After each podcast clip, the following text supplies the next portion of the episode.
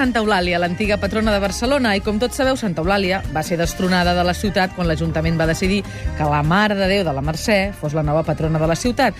Arran d'això, la saviesa popular sempre ha dit que quan plou per la Mercè és Santa Eulàlia que plora pel desamor que ha rebut de Barcelona. Doncs bé, per aquest motiu, els nostres mestres de, músic, de música, Gerard Quintana i Bernat de Déu, han decidit dedicar-nos les seves lliçons desordenades d'aquesta setmana al desamor. Ne me quitte pas, il faut oublier tout, peut s'oublier qui s'enfuit déjà, oublier le temps des malentendus et le temps perdu, à savoir comment oublier ces heures qui tuaient parfois à coups de pourquoi le cœur du bonheur ne me quitte pas, ne me quitte pas, ne me quitte pas, ne me quitte pas. Moi, je t'offrirai des perles de pluie. És la cançó més trista de la història de les cançons? O només m'ho sembla a mi? Jo crec que és, diuen que és la més gran cançó de desamor mai escrita. Tot i que el Jacques Brel ho va desmentir, va dir que no era una cançó d'amor ni de Sí, desamor. doncs, noi, Era- ho era- sento, però no t'has sortit bé. Era una cançó, segons ell, sobre la idiotesa, sobre la covardia dels homes. Namakita Pa va ser composta, escrita i interpretada per, per Brel l'any 59. Eh, fa unes setmanes vam parlar d'ell per un altre tema, el de la velocitat. Eh, vam dir que aquest cantautor, eh, cantautor belga havia deixat eh, Bèlgica eh, doncs, eh, i el seu entorn d'una família burgesa que havia fet fortuna al Congo, que tenia una fàbrica de cartrons eh, i, i se'n va anar a París a créixer artísticament. Eh, ell sempre va estar, diguéssim, subjugat per la, pel concepte de l'aventura, no? de, dels reptes. Eh, de fet, va acabar emulant a Sant Antoine de, de, eh, de Saint-Exupéry, l'autor del, del Petit Príncep, a les Illes Marqueses amb una avioneta i fins i tot una de les seves últimes obres va ser dedicada al Quixot, no? amb, un, amb alguns temes que podríem dedicar podríem recuperar el dia que dediquem el, el, te, el programa a l'aventura. Uh, Brel va anar a París al 53, deixant a Bèlgica una dona i una filla. Uh, ell va ser un home que va reconèixer la seva inf infidelitat, tot i que no es va divorciar mai de la seva dona. Uh, fins i tot quan va morir prematurament a l'any eh, 78, a punt de fer 49 anys, li va deixar tota la seva herència i va tenir dues filles més amb ella. Uh, per entendre Brel hem de tenir en compte que la seva infantesa, la seva joventut va ser la d'un nen melancòlic eh, amb molts somnis per realitzar il·lusions i que es va mirar de tirar endavant però amb molta empenta i amb gran ingenuïtat. De fet, quan va arribar a París, els seus primers concerts amb cabarets de mala mort i les seves primeres gires per província fent de talonella, on ell es va enfortir, li deien mossèn Brel perquè era com molt ingenu i tenia una pinta així com de boy scout, d'escolta crescudet, no? cordat fins a dalt amb una, amb una corbateta. Uh, el seu primer èxit va ser Canonar Calamur, quan només ens queda la mort, no? Uh, aquesta imatge li va tancar les portes, diguéssim, dels grans auditoris com l'Olímpia. Però ell, des de poc temps després d'arribar a París, eh, va tenir una relació amb una actriu i cantant eh, molt introduïda en el món cultural de París, que es deia Suzanne Gabrielo, coneguda com a Zizou, que li va fer... el va ajudar, també era presentadora de l'Olímpia, i va ajudar a vèncer els prejudicis que tenia el programador i l'amo de l'Olímpia cap a Brel. Eh, Finalment el van programar com a taloner, eh, amb la mala sort de l'estrella eh, que presentaven aquell dia, que va quedar totalment eclipsada i l'èxit Brel va ser brutal. Aquesta cançó la va fer per a Zizou, eh, per, a, per a Susan Gabrieló, mm, aquest No me quita pa. Va ser eh, fruit de, després d'aquesta relació eh, i de moltes més que tenia d'un embaràs que va tenir ella. Ell no va reconèixer la paternitat i finalment doncs, tot això es va acabar així, amb aquest No me quita pa.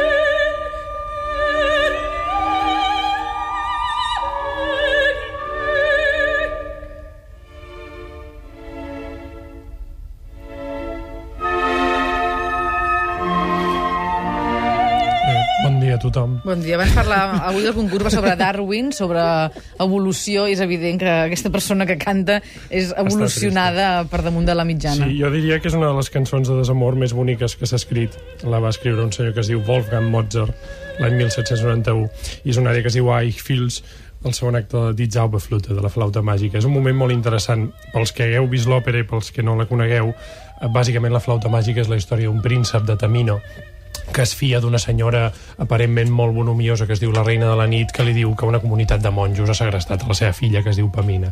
Aquesta comunitat de monjos, eh, presidida per un senyor que es diu Sarastro, que després resulta que no és tan dolent com sembla, sinó que és un molt bon home i el que fa és protegir aquesta noia de, la, de les arts de la seva reina, de la seva mare, que és la reina de la nit, que és una senyora amb ostensible mala llet.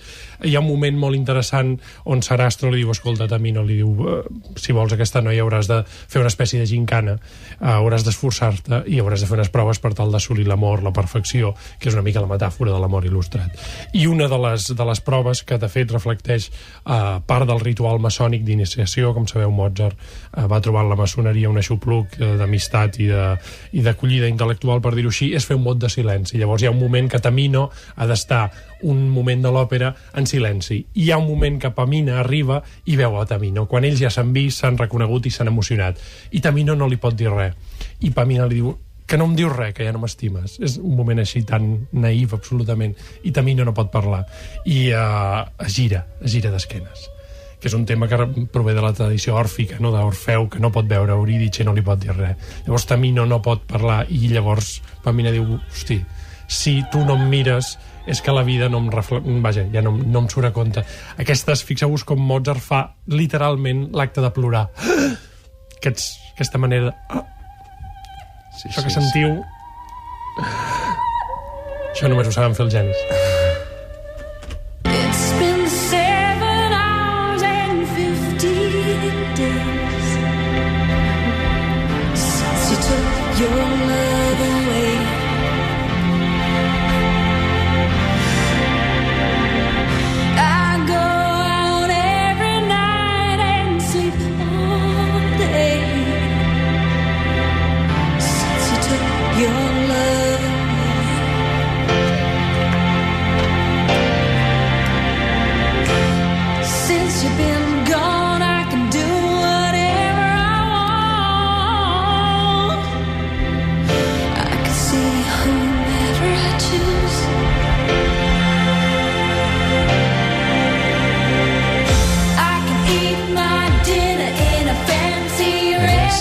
restaurant. Sinito Connor, tot i que podria ser Tatiana Sisquella, que Eh. se la sap de memòria i estava, estava fent el playback en aquí. Està fent com no, de jo m'he gravat eh, fent aquest playback, Sí? us aviso. Ah, bueno, la passarem algun dia. I m'ha caigut llàgrima, eh? Sí.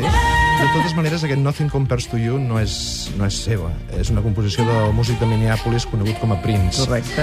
Uh, M'ha agradat triar aquest tema, en haguéssim pogut triar molts més, però a part de ser molt conegut i la gent que pugui reconèixer, com a, com a curiositat diríem que si la musa d'Abrel, del Namakita Pa, es deia Susanna, eh, la musa de Prince, per fer aquest tema, aquest Nothing Compares to You, es deia Susana, mm. Susana Melvoin. Uh -huh. I també era filla d'actrius i de cantants, i era una dona que després de, de trencar amb ell eh, va ser corista d'Eric Clapton, Mike Oldfield, Roger Waters, va fer cançons per Madonna, ha fet cançons per Eric Clapton, o sigui, una dona amb personalitat, no? Aquesta cançó formava part d'un disc de l'any 85, d'un projecte que es deia The Family, de Prince, però va passar desapercebut. Eh, finalment, eh, Sinito Conora va recuperar per al seu disc I Do Not Want What I Haven't Got, i aquesta cançó va patar. Va, considerar, ser, sí, va ser considerada la cinquena millor cançó de, de la història de desamor, cosa que quan la va fer Prince doncs no va transcendir. Fins i tot el vídeo d'aquesta cançó, que era un, un pla fixe de la cara de Sinito Connor... que Amb anava aquell cabell tan cantant, curtet, Amb aquell cabell sí. tan pelat i que li anaven aquí les llàgrimes, va Fantàstic. ser considerat el millor vídeo de l'any, no? A tot això se m'acaba d'acudir que un dia el tema podrien ser versions que milloren l'original. Vinga. També, per exemple. També, mira, un altre, per exemple. El, el, la història de desamor que també comporta Sinito Connor eh, ve més tard i en podem parlar un altre dia. És el desamor que va tenir amb el públic després de trencar aquella I tant, fotografia del del papa, Papa. i dir eh, aquest és el verdader enemic, no? Eh, bé, ella també va inspirar cançons de desamor, per exemple, I Could Have Light, dels Red Hot Chili Peppers, després de, després de trencar amb el cantant Anthony Kiedis. Tramuta in notti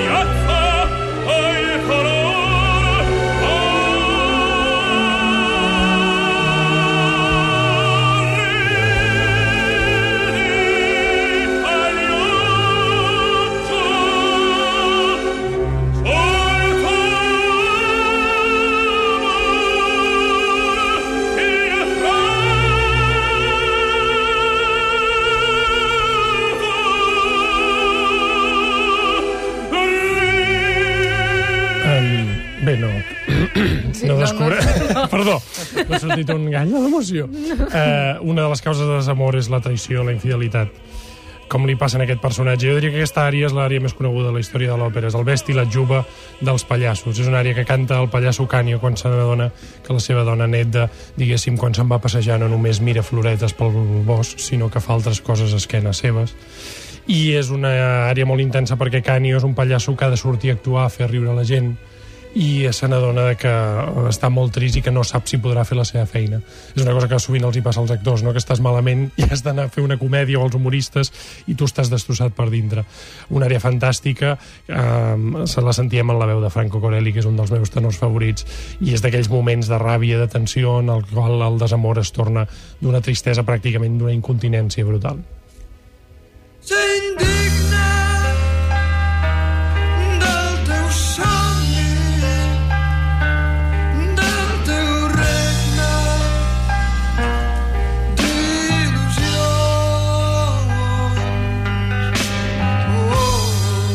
Ell és Pau Riba, amb La flor del taronger, una, una cançó de l'any 77, eh, amb una lletra absolutament desgarradora que, diguéssim, abunda en aquest moment de, de penediment del mal que has pogut fer a l'altre, no? Eh, del disc Licors, està clar que els tres exemples que he posat avui són de gent promiscua. Hem parlat de la promiscuitat d'Abrel, eh, de Prince ja no en direm, Sinito Connor té quatre fills de quatre homes diferents, i ara Pau Riba, que té cinc fills de, de, de quatre dones diferents, també. No és estrany que sàpiguen tant de desamor. Tens 8 segons ara per acabar l'hora, eh? 5, 4... Espero que la setmana que ve parlem d'amor, no? Ho Ah, d'acord, sí? Ho fa- ho Amor? Fem-ho.